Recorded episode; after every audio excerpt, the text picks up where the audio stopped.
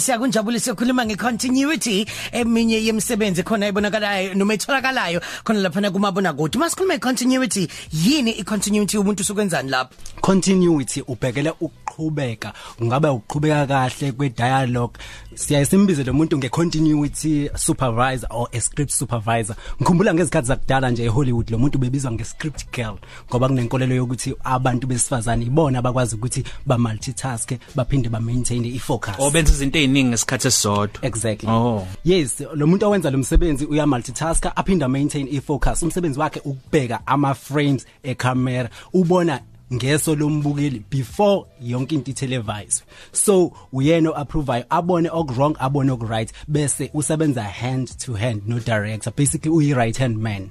Uyayamtshela ukuthi director no engikubonayo ngibone ngathi iactor yethu ithema iphenduka kwi first take yaphenduka counter clockwise masiphenduka kwi second take yaphenduka clockwise. Mm. okusho ukuthi sizoba nenkinga in terms of continuity uma sesihlanganisa Kuzophambana. kuningi kakhulu okwenziwa ilo muntu.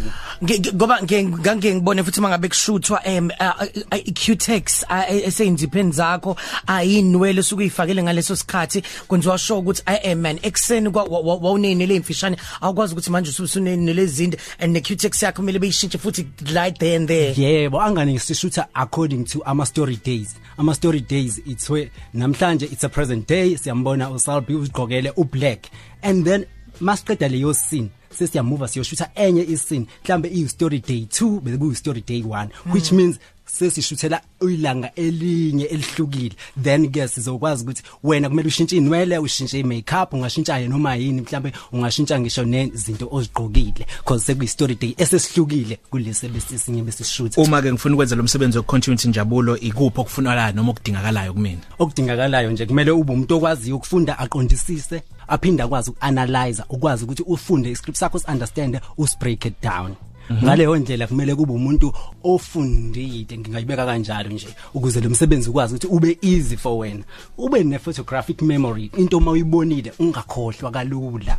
Eh okunye nje futhi ongaphinde ngikuhighlight ukuthi njengoba usebenza no direct ubheka ama shots ubheka ama angles ubheka zonke lezi zinto ubhala nama notes cause umuntu owenza continuity kahle kahle usiza labantu be post production kumbe ama editors ukuthi masebe editor naka abakubhalile uyawa nama takes uyawa rate ukuthi good not good maybe excellent u director uyithandile le, le akayithandanga ukuze umsebenzi wabo ube easy. Mm. Sesivala nje sesigoqa njabule songifunda kuphi nendawo mangabe ngifuna ukwenza le ndaba le. uya ezikolweni ezinjenganabo after uyakwazi futhi ukuthi uye ko DUT wenze idrama noma uye ko UKZN mhlawumbe wenze performing arts nje uya ezikolweni lezi ezijwayelekile ama universities ungaya futhi nasema college uthola ukuthi wenze eh, uye ko creative arts waya Yeah. ko City Varsity ya izikole ezikanjalo ziyakwazi ukuthi zikusize Coolio. Bahola malini? ama rate ke yayiqala ku 2000 rand a week no not a week a day that's Wow. a daily rate kakhulukazi kuma films ngikhuluma ngama soap because kuya negotiate